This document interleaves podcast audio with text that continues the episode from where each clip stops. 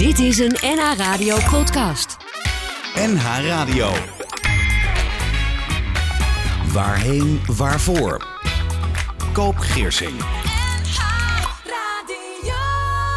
Zondag 5 oktober 1980. Tijdens het koffiedrinken met vrienden kroop Mark bij mij op schoot. Sloeg zijn armpjes om me heen en nestelde zijn warme lijfje tegen me aan. Ik genoot ervan. Ondanks het bezoek liet ik het toe omdat ik merkte dat hij er behoefte aan had. En zo vaak deed hij dat niet. Achteraf heb ik begrepen dat hij afscheid van mij nam. Dit is Waarheen Waarvoor, waarin ik een gast ontvang met wie ik mag praten over leven en dood. En mijn gast in deze aflevering is Maria van Rijzenwijk.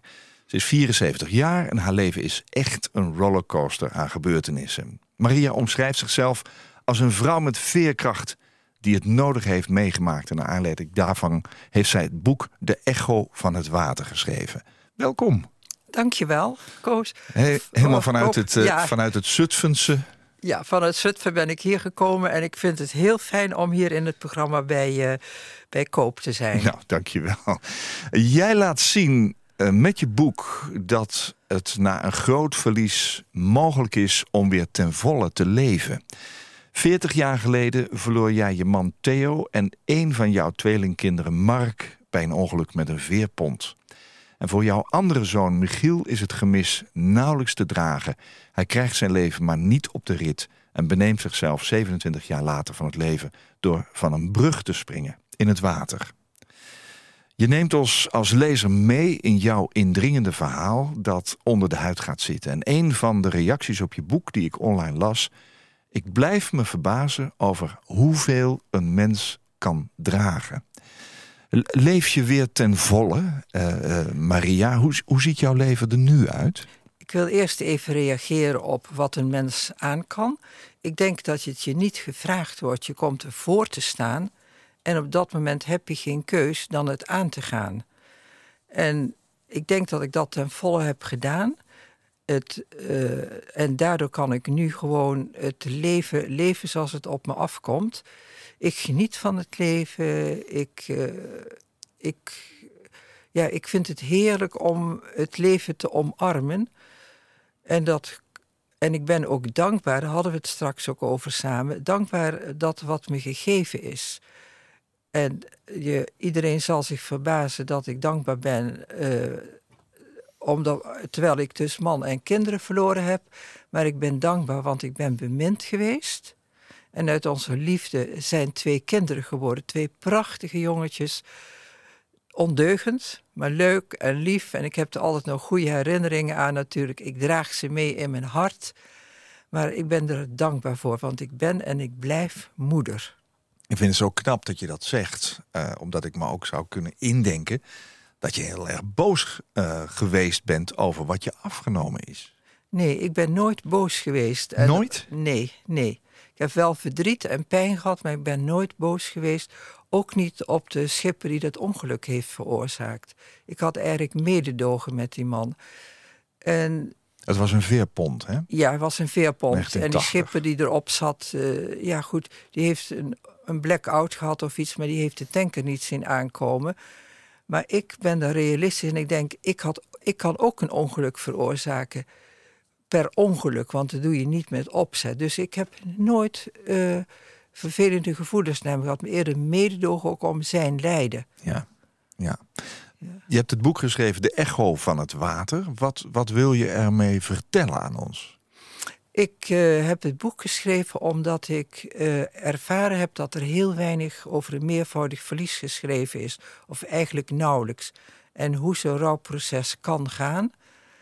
En ik hoop daarmee andere mensen te helpen. Uh, en ook om te laten zien dat het mogelijk is om weer vrede hebben, te hebben met dat wat in je leven gebeurd is. Gewoon vrede. Want je vergeet ze nooit. Ze zijn altijd in je leven. Ik voel ze om me heen. Maar ik, ik heb de vrede mee zoals het gegaan is. Ja, en ik hoop dat heel veel mensen gewoon wat hebben aan het verhaal wat ik schrijf. Herkenning. Herkenning, ja, ja, ja. meervoudig verlies heb je geleden. En Ja. je, je vond er eigenlijk niet zoveel informatie over. Dus je dacht, Nee. ik, ik ga dat zelf geven. Ja, maar Ja. ook was het een drang in mij om een boek te schrijven. Het was niet meer tegen te houden. Zoiets van, ik moet, ik moet en ik wil dat boek schrijven. Zonder dat ik ervaring had met schrijven of wat dan ook. Ja. En ik heb dus die drang heel lang tegengehouden. En uiteindelijk, ja, toen ik er met een vriendin over sprak, zei ze: Ja, goed, eh, natuurlijk ga je een boek schrijven. En dat was voor mij genoeg om te beginnen. Ja, het is dit jaar uitgebracht. Ja. De Echo van het Water heet het. Met als subtitel Alleen verder naar het verlies van mijn gezin. Het is een hecht, heftig verhaal over verlies, over rouw, over leven en dood. En hoe je daarmee te maken krijgt zonder dat je weet hoe daarmee om te gaan. En waarheen waarvoor is vandaag mijn gast Maria van Rijzenwijk. Zij wil meer bekendheid geven aan meervoudig verlies... en heeft daar zelf geen goed boek over kunnen vinden. En dus schreef ze haar eigen verhaal en ervaringen op... in de echo van het water. Jij zei tegen mij, ik heb ook nog wel iets heel leuks te vertellen... over het verhaal wat je in je boek hebt eh, geschreven. Ja, ik heb inderdaad iets heel leuks van mijn eh, kinderen te vertellen. Eh, toen Mark overleden was, eh, vertelde Michiel mij dat ze een geheimpje hadden. En dat mocht ik wel weten omdat zijn broertje overleden was. En toen vertelde hij mij dat ze op zondag, ze waren toen 7, 8 jaar, met een fietsje, wij woonden toen in Zwijndrecht, met een fietsje over de brug naar Dordrecht gingen. Altijd op zondag, dat vond ik ook apart. En dan gingen ze voor een grote meubelzaak staan en dan gingen ze samen hadden ze het dan over hoe ze hun huis zouden inrichten. Wat voor meubeltjes ze zouden nemen en zo. En dat deden ze regelmatig. En dat geeft ook aan wat voor band die twee hadden. Ja, ze waren echt aan elkaar gehecht, gewaagd. Ja, heel bijzonder zoals ze altijd samen waren. Dat, dat wist jij ook niet Nee, voordat hij dat vertelde? nee, dat wist ik niet, want ik miste ze zondags wel eens. En dan dacht ik, waar zitten ze nou? Ja. En toen Michiel dit vertelde, en eh, hij vertelde me ook van hoe de route ging. Dus ik heb samen met hem de route gefietst die altijd met zijn broertje fietste. En even voor de etalage gestaan ook. Ja. Nou ja, ik- dat geeft aan de band tussen hun tweeën. Heel Een eigen mooi. tweeling. Ja. Ja, zeker. Een brug, water. eh, Ja. Jouw hele leven, jouw hele boek gaat in ieder geval over dat water. En Maria, jij schrijft... Toen wij van Malden naar Zwijndrecht verhuisden, vond ik dat prima. Ik ging er altijd vanuit dat je er zelf voor kunt zorgen of je je ergens thuis voelt. Het enige wat ik altijd riep was dat water, daar heb ik het niet op. Eh, Het lijkt op een voorgevoel, en dat kom ik vaker tegen in jouw boek, van wat zou gebeuren. Waarom had je het niet op dat water? Ik was bang voor dat water. Terwijl ik daar voorheen nooit mee bezig was. En ik had ook tegen mijn eh, man toegezegd: ik wil wel een huis daar kopen, maar niet dat het eh, op, op, op, aan het water ligt. En ja, heel later, later blijkt dus dat dat eh, ja, het water hun, heeft, hun dood heeft betekend. En, en daarna was het gevoel van dat water, de angst daarvoor was over. Dat is dus het hele bijzondere. Want dan zou je zeggen, die angst blijft. Maar toen was het over. Dan was ik niet meer bang voor het water. Je zou kunnen zeggen, doordat het gebeurd is, eh, is bewezen dat jouw angst voor het water gegrond was. Ja, het was ook gegrond. Ja, zou je er ja. nog banger van kunnen worden, maar dat is bij jou niet zo gegaan. Nee, nee. Het is verschillende keren dat ik dingen voorvoelde. Maar op het moment dat het voorbij was, dat punt, dan was het over. Ja. Dus eh, in feite is je geest, je intuïtie, als je daarnaar luistert, dan eh, dat geeft je dan een gevoel van dat het klopt. Maar het wil niet zeggen dat je dan dingen kunt voorkomen. Ik heb nooit het gevoel gehad, ik had het ongeluk kunnen voorkomen of wat dan ook. Ik heb ook nooit afgevraagd waarom. Ik vind het leven een mysterie en er hoort ook dit bij. Het verlies is ook een mysterie. Ehm, jouw boek De Echo van het Water begint met de twee feiten. In 1980 komen jouw man en zoon om het leven en in 2007 komt jouw andere zoon om door zelfdoding. Hoe zag jouw leven eruit voor het eerste tragische ongeluk in 1980? Ja, gewoon, eh, eh, gewoon leuk met kinderen, dingen ondernemen. Het was gezellig. Heerlijk met de kinderen stoeien. En af en toe denk ik, ik plak ze tegen het plafond als ze weer eens wat uitgehaald hadden. Maar eh, ja, ik was stapel op ze. Ik vond het zo leuk met die kinderen. Ja, de boefjes, echte boefjes waren het. Ze haalden van alles uit. En dan moest ik maar zien hoe ik daarmee omging. Ze waren zeer ondernemend. En ja, goed, ik uh, werkte weer tot toen de kinderen vier werden, want ik wilde heel graag werken. Wat deed je? Ik was toen de tijd huisartslerares. En ik heb in het onderwijs gezeten, ik heb uh, als kok gewerkt, ik heb voor alles gedaan wat op mijn pad kwam. Maar vooral uh, ja, het gezin samen, dat uh, vond ik wel heel fijn. Het ja. samen doen, samen met vakantie, samen wandelen naar het strand en zo. Ja, ja dat, dat, was gewoon heerlijk. Jouw man Theo, wat, wat was hij voor iemand? Hij was een verstrooide man. Waar ik dus qua huishoudelijke klussen helemaal niets aan had. Maar goed, dat wist ik al vrij snel. Hij was meer uh, een verstrooid iemand, die dus ja, echt een wetenschapper. En daar moest ik als het ware een balans in vinden. En toen ik ging, weer ging werken, nou, toen nam ik gewoon een huishoudelijke hulp, want aan hem had ik niet zoveel wat dat betreft. Maar hij, ja, hij was een lieve man, zorgzaam ja, gewoon met humor. Een hele prachtige man. Prachtig. Als, als, omslag van je boek heb je een foto gekozen... waarbij de twee jongetjes, ze zullen daar een jaar of zeven, acht zijn, denk zijn ik. ze zes jaar? Oh, zijn ze zes jaar. Er was een vakantie in Schotland en die foto heb ik gemaakt. Ja. Je ja. ziet in het midden zie je um, uh, Theo staan. Ja, kijkt klopt. als het ware met een verrekijker over het water. En de twee jongens die staan om hem heen. En die staan eigenlijk met elkaar te praten. Ze hebben alle twee rode schoentjes aan. Ja, ja. ja maar een foto van alle drie, maar wel bij het water. Wel bij het water, heel apart, ja. Ja, ja. Um, ja we gaan even weer naar 1980. Je beschrijft in je boek hoe jij op hun terugkomst van een fietstochtje zit te wachten twee van hen. Hè? Jouw, jouw man Ja. en, en jouw zoon Mark ja. zijn aan het fietsen. Waarom was Michiel daar niet bij? Dat vroeg ik me later even af. Nou, ik had 's morgens al zo'n onbehagelijk gevoel. Dat er, net of er iets was wat ik niet kon pakken of grijpen. Toen ze de deur uitgingen. Nee, al 's morgens toen ik opzat Oh ja? had ik dat al. En eh, dat, normaal gingen we altijd met z'n vier, maar ik had zoiets, ik heb echt geen zin om mee te gaan. En, eh, nou, en toen zei Theo van, nou, dan ga je lekker even genieten, want ik had het hem gezegd. Ik had ook gezegd tegen hem, er is iets en ik weet niet wat. Dat is het laatste wat ik tegen hem heb gezegd voor hij wegging. En toen zei mijn ander zoontje, nou, dan blijf ik eh, lekker bij mama. Ja, En daarom is hij thuis gebleven bij mij. ja. Ja, ja. Jeetje. Ehm, op een gegeven moment krijg je dat afschuwelijke nieuws te horen. Ze zijn weg, maar komen maar niet terug. Mhm. Ik begrijp dat je het nieuws op televisie hebt overgeslagen... omdat je dacht van ja, ik, ik, wil elk geluid als het ware in me opnemen... van, van een deur Ja. die weer open gaat. Maar dat gebeurde maar niet. Ehm, wa- wat gebeurde er? Nou, dat was vreselijk dat wachten. En ook wel eh, dat ik de politie om een uur of acht, negen belde van... ja goed, mijn man en zoontje zijn niet thuisgekomen... en zo en zo laat ze met Pontje terugkomen vanaf Dordrecht. Maar ze zijn niet thuisgekomen. En de politie die zei tegen mij van... nou, we zullen het noteren, mevrouw. Daardoor versterkte ze mijn gevoel dat ik iets deed van... ja, dit, dit is een beetje flauwekul waarvoor ik bel. Ik word niet serieus genomen. En ja, goed, en toen heb ik de hele avond zitten wachten, wachten. En er kwam geen politie, werd niet gebeld. Dat is zeer traumatisch voor mij geweest. En ik heb uiteindelijk heel laat op de avond tegen half twaalf de politie weer gebeld. En toen had ik al zoiets, ze zijn dood. Want, maar wat kan er nou gebeuren als je fietstochtje maakt? Hè? daar kan er niks gebeuren. Geen enkel idee van wat er dan zou kunnen gebeuren. Nou, en toen vertelde de politie aan mij van, eh, nou, of ik tv had gekeken. En mijn reactie was meteen, nou ja, dan zijn ze dood.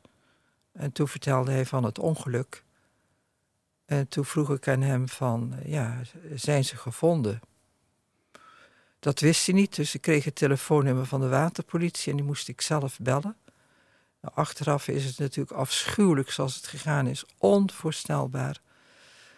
Later heb ik een gesprek gehad met de politie en toen zeiden ze, ja, ja, zoveel journalisten hadden druk. Nou ja, ik zeg, het gaat wel om mijn man en mijn zoontje en ik heb helemaal geen boodschap aan al die journalisten die dus eh, daar zijn geweest. Maar dat wachten, dat is het meest traumatische geweest van die gebeurtenis. Daar heb ik jaren last van gehad. Als iemand te laat kwam, dan raakte ik in paniek. Dus dan moesten ze bellen, want anders was ik helemaal over mijn toeren. Nou goed, en, uh, ja, en dan de volgende ochtend, dan moet je het aan je kind vertellen dat uh, ja, zijn vader en zijn broertje overleden zijn. En dat moment zal ik ook nooit vergeten. Ik hield mijn zoontje Michiel vast. Ik vertel, hij, hij kwam naar beneden en zei Mark ligt niet in bed.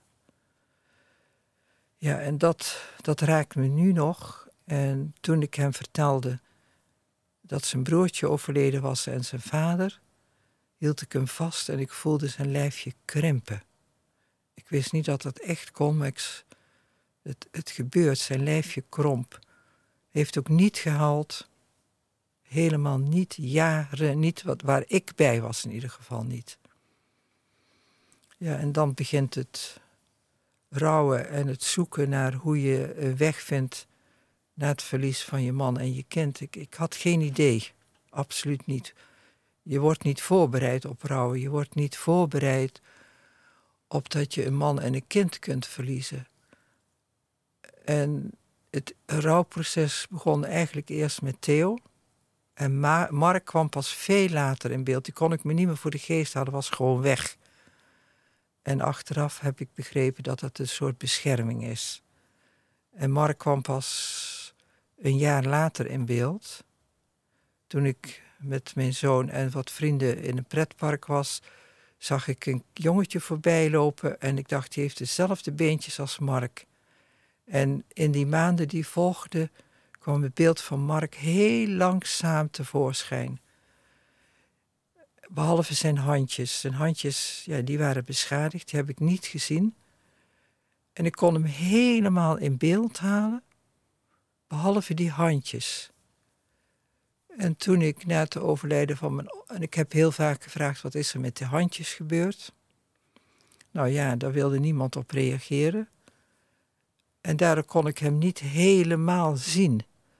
Tot het moment dat een zus mij vertelde wat er met die handjes gebeurd was. Waar, dat was na het overlijden van Michiel. Want hij heeft nog een poos geleefd. Terwijl hij in de, bij in de machinekamer terecht was gekomen. En met zijn handjes waren dusdanig beschadigd doordat hij er niet uit kon. Hij heeft waarschijnlijk geroepen om hulp.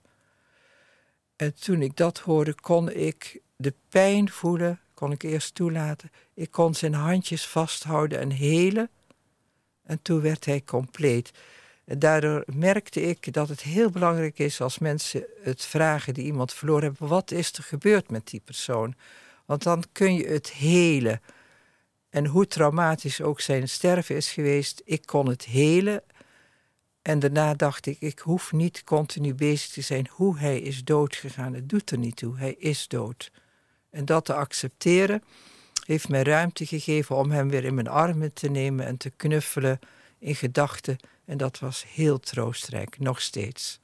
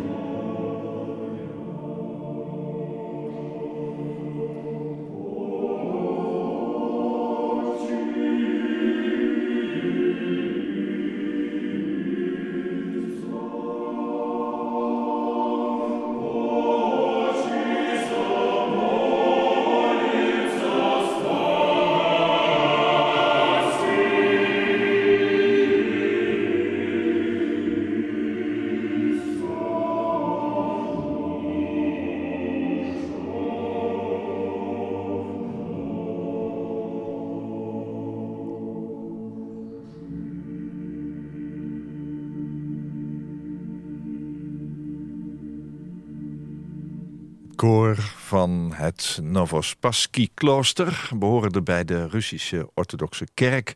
Je hoorde The Joy of Those Who Mourn. De vreugde van hen die rouwen. Een tegenstelling eigenlijk uh, in één zin. Hè? Uh, rouwen en vreugde. Het was muziek die jij zelf hebt uitgekozen voor vandaag... en die wat mij betreft naadloos aansloot bij jouw woorden, jouw verhaal... Want jouw woorden echoden nog na in eh, deze muziek. Uh, het is een heel heftig verhaal, maar je hebt ook een sprankje hoop gegeven. Namelijk door die pijn toe te laten, die rouw zeg maar helemaal aan te gaan... heb je ook het licht weer gezien. Dus ik, ik was er uh, echt van onder de indruk wat je vertelde. Wa waarom heb je trouwens voor dit muziekstuk gekozen? Omdat ik dat een hele serene muziek vind. Uh, het is ook religieus een beetje. Het raakt me. Het, is, het komt binnen. Ja. Het, is, uh, het past precies bij wat ik net verteld heb, dat stukje van ja. mijn gezin. Ja, daarvoor heb ik die muziek gekozen. Ik heb hem heel vaak thuis gedraaid. En dan luister ik ernaar. En het raakt me op een of andere manier. Ja, ik heb jou gevraagd, neem nou eens drie liedjes mee... die uh, misschien op je eigen uitvaart ooit uh, gehoord moeten worden. Je zegt in het nawoord van je boek trouwens dat je ook weer kunt genieten van muziek. Uh, was het lastig om je te vragen om drie liedjes voor je eigen uitvaart mee te nemen? Nee, nu niet meer. Maar ik heb heel lang uh, was ik, uh, kon ik die prikkels van muziek niet verdragen na hun overlijden. Okay. Alle prikkels waren te veel en het deed pijn aan mijn oren. Ja. Dus vandaar dat ik helemaal niet naar muziek kon luisteren. Terwijl heel vaak werd gezegd, ja, muziek luisteren, nou dat is toch troostend. Maar ik kon het niet verdragen. En vooral vioolmuziek, vooral met een beetje hoge tonen. En pas veel later heb ik, uh, kon ik weer uh, muziek waarderen. Ja. Het heeft een hele poos geduurd. Ja.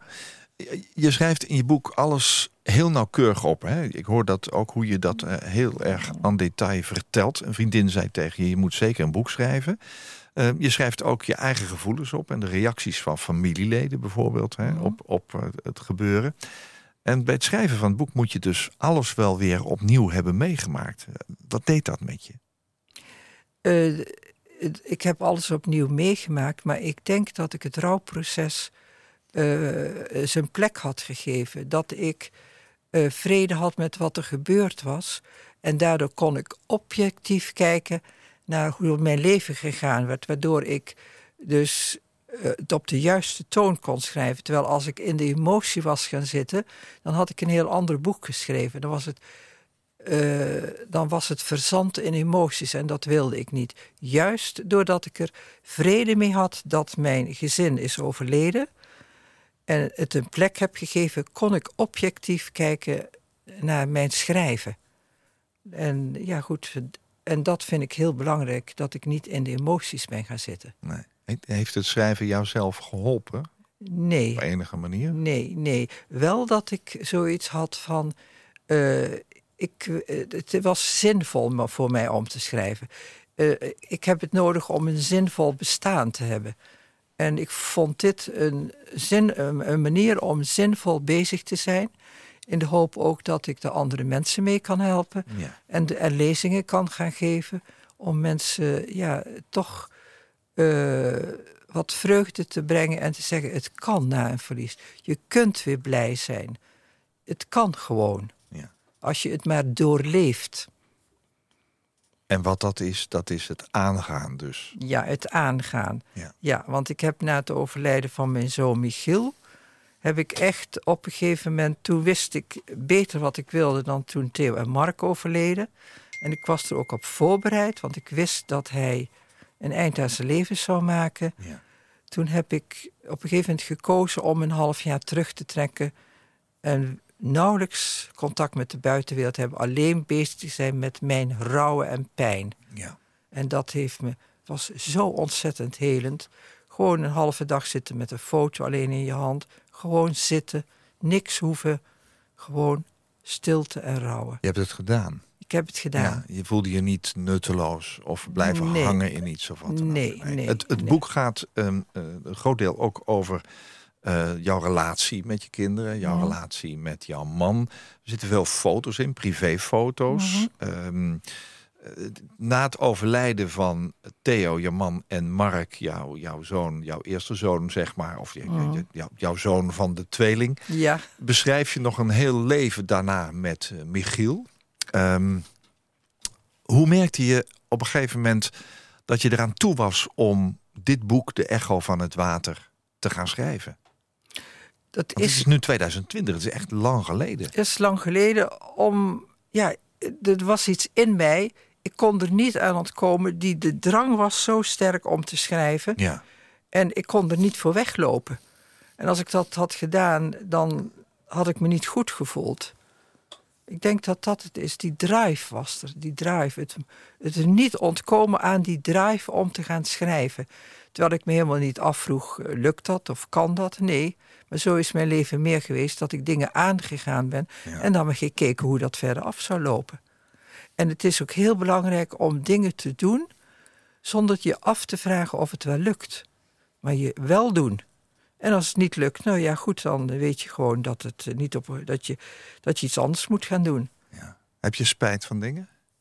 Nee, ik heb geen spijt van dingen. Nee. Nee.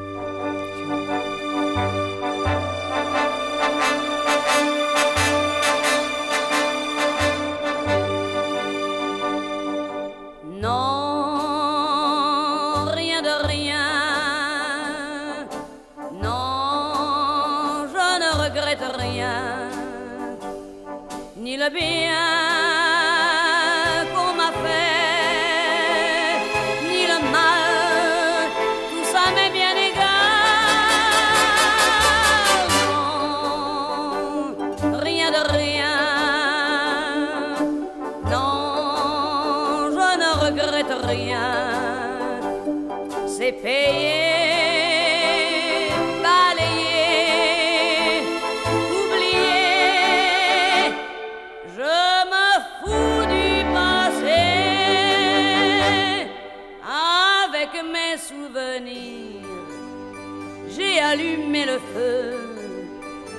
chagrins, mes plaisirs.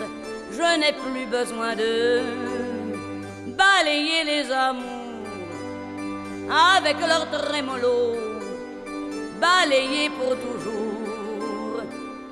Je repars à zéro. Non, rien de rien. Non, je ne regrette rien, bien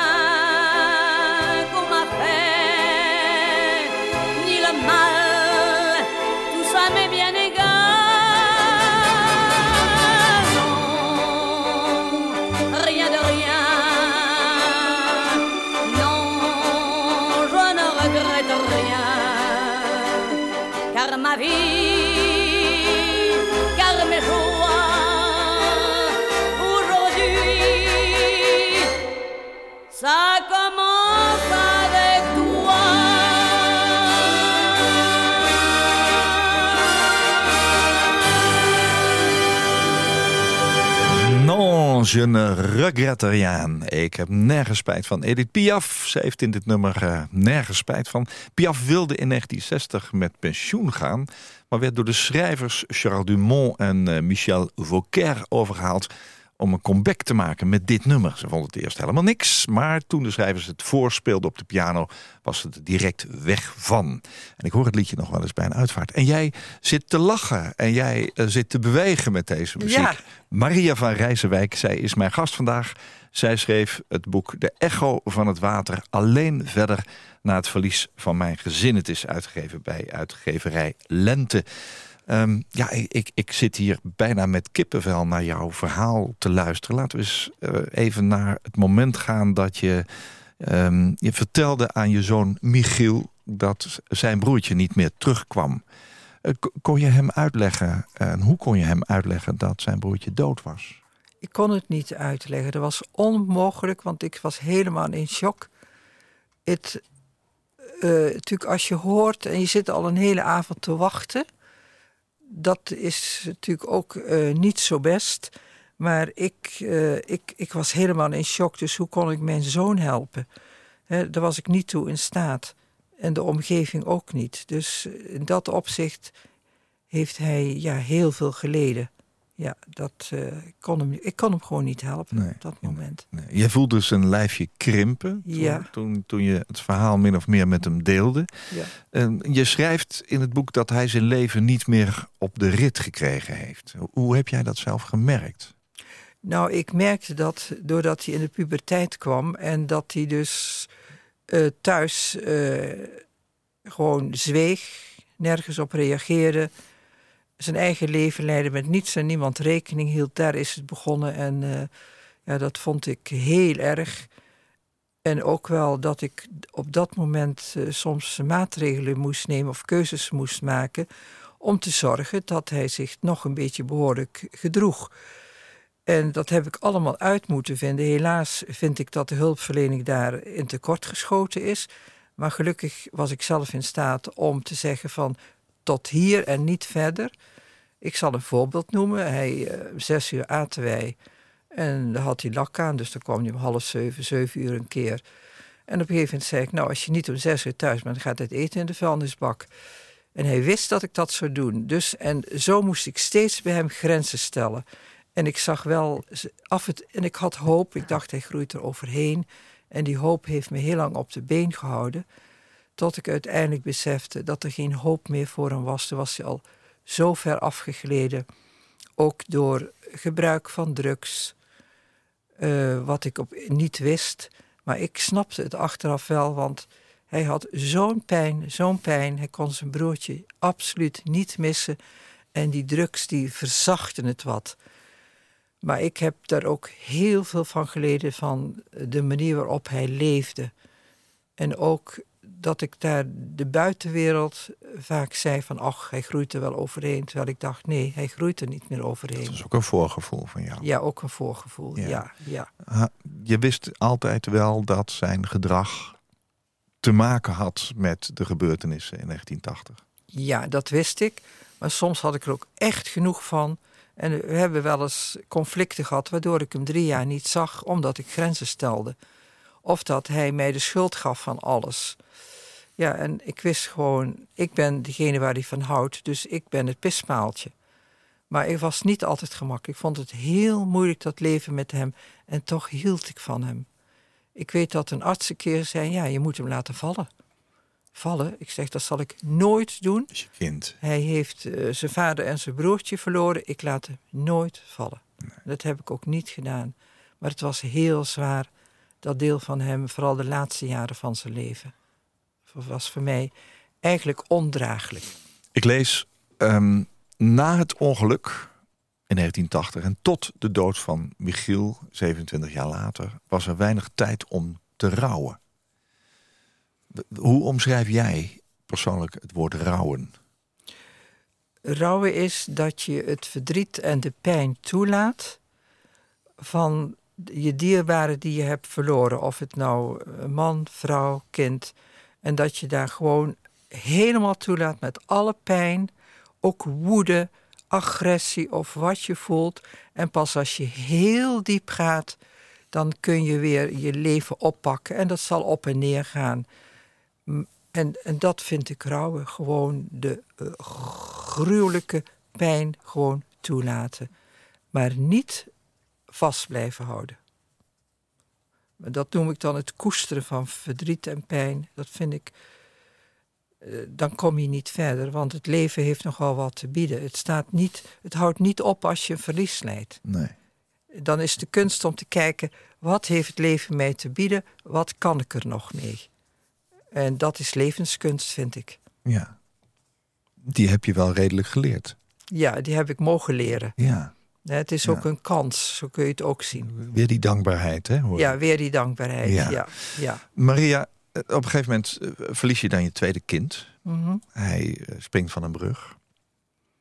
Toen Michiel was overleden, heb je hem zelf opgebaard. ja. Dat was toch anders dan in 1980, toen je anders. min of meer in een mortuarium stond en je man en je andere kind zag en daar eigenlijk niets bij voelde en weer wegging. Ehm, je beschrijft hoe je naast hem staat, naast Michiel, liefdevol aanraakt. Ja, dat was echt heel anders dan bij die confrontatie met eh, Theo en Mark. Hoe verklaar je dat? Ik denk dat ik zelf een heel eh, proces had doorgemaakt. Waardoor, en ik had me ook voorbereid op zijn dood, want ik wist al drie jaar lang dat het een eind aan zou maken. Maar doordat ik zelf. Drie jaar lang heb je al toegeleefd naar dat moment? Ja, ja, ik heb er ook met een vriendin over gesproken, heel intensief. Van wat ga ik doen als hij overlijdt en hoe ga ik het doen? En zij heeft me heel erg eh, gesteund en gestimuleerd om te doen wat ik zelf wilde. Hoe heet die vriendin? Wil. Wil. Mijn eh, dierbare vriendin Wil. Bedenk even aan haar. Ja, en eh, ja goed, ik had zoiets, nu wil ik mijn zoon thuis hebben.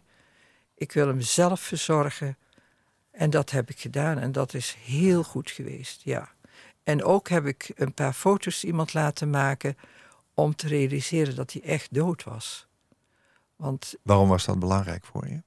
eh, omdat ik me wilde realiseren, hij is dood. Want het lijkt net als je daar ligt en je neemt afscheid en je gaat een maand verder, dan, dan is het onwerkelijk dat hij er niet meer is. Dus voor mij was dat heel belangrijk en dan kon ik de pijn voelen van dat ik mijn, ook deze zoon kwijt was. Maar ik voelde ook de pijn van hoe zijn leven was geweest, want je gunt je kind zo'n fijn leven. Als moeder, en als er een vader bij was geweest, dan wil je dat je kind gelukkig wordt. Hè? Binnen bepaalde grenzen natuurlijk. En daar heb, ik, daar heb ik niets aan kunnen doen. Want hij was diep, diep ongelukkig. En die pijn heb ik ook omgerouwd. Dat vond ik ook heel intensief. Dat hij zo'n ellendig leven heeft moeten leiden. Om uiteindelijk toch voor de dood te kiezen.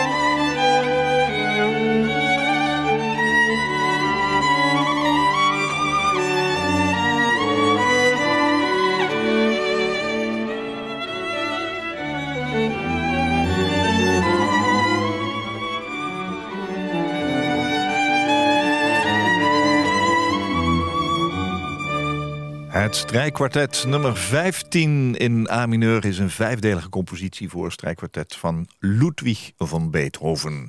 Dit was deel 3, Heilige Dankgezang, gespeeld door het Russische Borodin kwartet. Ehm, ook weer een liedje dat jij hebt meegenomen, Maria. Uh, waarom dit prachtige stuk van Beethoven? Ach, ik heb al eigenlijk het antwoord gegeven. Ja, het antwoord heb je al gegeven. het is uh, dankbaarheid voor uh, wat het leven mij gegeven heeft. Ja, ja, ja. ja. En dat, dat is natuurlijk. ik, ik ben geen heilige en er komen af en toe zijn er van die momenten dat ik ook echt weer de pijn voel. Nou, dan huil ik flink en de volgende dag is het over. Maar zo is het leven. Mensen die niets meegemaakt hebben ook zo'n dag. Zo zie ik het. Het hoort gewoon bij mijn leven. En dat is ook goed. Je hebt inmiddels uh, weer een nieuwe liefde in je leven. Hè? Ja, Gerard, heerlijk. Hij ja. is hier ook. Hij zit uh, ook in de studio. Ja. Um, je wilt meer bekendheid geven uh, aan ons publiek aan een meervoudig verlies. Je hoopt lezingen te geven over dit onderwerp hè, om, om die bekendheid te vergroten. Mhm. Wat zou je nu tegen mensen zeggen die net een vreselijk meervoudig verlies hebben meegemaakt? Nou, ik vind het heel belangrijk dat mensen proberen aan te geven aan de omgeving van waar ze behoefte aan hebben. Want de omgeving weet vaak niet wat ze moeten doen. En uh, dan, uh, dan krijg je de hulp die je hoopt en verwacht. En ook wel het rouwproces aangaan. Dat is zo belangrijk en dat je daar de tijd en de ruimte voor neemt. Maar ook dat ieder zijn eigen rouwproces heeft. Dus bij een echtpaar zal de een het anders beleven dan de ander. En dat je dat uh, gewoon respecteert. Ja, ik denk dat dat heel belangrijk is. En uh, ja. En dat je. En pas later kun je kijken van hoe je leven verder gaat. Want dat kun je op dat moment. Je zit zo in een diepe pijn. Dat, dat heeft gewoon tijd nodig. Ja. Je hebt het over levenskunst. Ja, wat levenskunst. Uh, ik, uh, levenskunst is om met dat wat in je leven gebeurt, hoe dan ook, dat je dat een plek geeft. En dat, is, en dat je het leven aanvaardt zoals het komt. En dat noem ik levenskunst. Ja, ik, ik, heb dat, ik zit in een groepje filosofie. En daar heb ik dat uh, heel erg mogen leren en ervaren wat levenskunst is. Ja, ik vind het uh, vooral het boekje van Willem Schmid zou ik dan willen aanraden. Daar heb je heel veel aan. En dat is uh, gemakkelijk te lezen van die filosoof. Ja, ik ben er altijd heel blij mee geweest dat ik nu filosofie doe. Het hele gek is, mijn man was ook filosoof. En toen interesseerde het me helemaal niet. En nu denk ik, oh ja, ik vind filosofie heel boeiend. Ja, het brengt me heel ook. veel, ja. Ja. Ja. Je, je zegt dat het verlies van jouw gezin een keerpunt in je leven is geweest. Hoe bedoel jij dat? Uh, daardoor heb ik mogen ervaren en leren uh, dat ik uh, anders in het leven ben gaan staan. ja, ma je materie vind ik veel, is, is niet meer zo belangrijk. Ik hecht er niet zo aan. Vriendschappen krijgen een andere betekenis. Ik zelf sta anders in het leven en maak andere keuzes dan toen ik mijn gezin nog had. Ik denk dat ik kan zeggen, ik heb ervan mogen leren. Maar ook wel dat ik dingen aanga die, die ik misschien voorheen niet zou doen. Ja. En ik, ik, het boek heet Het Echo van het Water. Uh, ik heb bijvoorbeeld... Uh, ik wilde heel graag snorkelen, maar ik durfde nooit meer met mijn hoofd onder water. onder water. Ja, ja, en, ja. Uh, maar goed, op een gegeven moment ging een buurvrouw van mij. Ik zeg, goh, mag ik mee? En uh, nou, meteen geboekt s'avonds, dus ik kreeg Spaans benauwd. Want ik durfde niet meer met mijn hoofd onder water na het ongeluk. En toen ben ik dus lessen gaan nemen in een zwembad met een instructeur. Nou, dat was geweldig. En dat snorkelen in Egypte, nou, dat was geweldig. Ik heb zo genoten van het rif, van het onder water zijn. En ik had zoiets, ik ben één met het water. Ja. Het onderscheid is er niet meer tussen mij of wat dan ook. Nou, dat was een hele bijzondere ervaring. Prachtige afronding van mijn gesprek met jou. Mijn gast in Waarheen Waarvoor was Maria van Rijzenwijk. Een vrouw met heel veel veerkracht die het nodig heeft meegemaakt. En naar aanleiding daarvan heeft zij het boek De Echo van het Water geschreven. Het is uitgegeven bij uitgeverij Lente. En Maria laat zien dat het na een groot verlies mogelijk is om weer ten volle te leven. 40 jaar geleden verloor zij haar man Theo en een van haar tweelingkinderen Mark bij een ongeluk met een veerpont. En haar andere zoon Michiel beneemt zichzelf 27 jaar later van het leven. Maria wil meer bekendheid geven aan meervoudig verlies. Ze is ondanks alles dankbaar voor wat ze wel heeft ontvangen in haar leven. Maria, ik heb de hele uitzending lang kippenvel gehad. Dank dat je hier was. Maar dat je op deze manier ook uh, ja, dienstbaar wil maken voor anderen. En dank voor je indringende boek. Dank je wel. Ik vond het fijn om hier te zijn. En uh, een warme groet voor alle luisteraars. Dank je wel. Koop Geersing. Als jij een keer te gast wilt zijn in Waarheen Waarvoor om te vertellen over jouw levensreis, laat me dat dan weten via waarheenwaarvoor.nhradio.nl. Waarheenwaarvoor.nhradio.nl. Dit was een NH Radio podcast. Voor meer, ga naar nhradio.nl. Radio.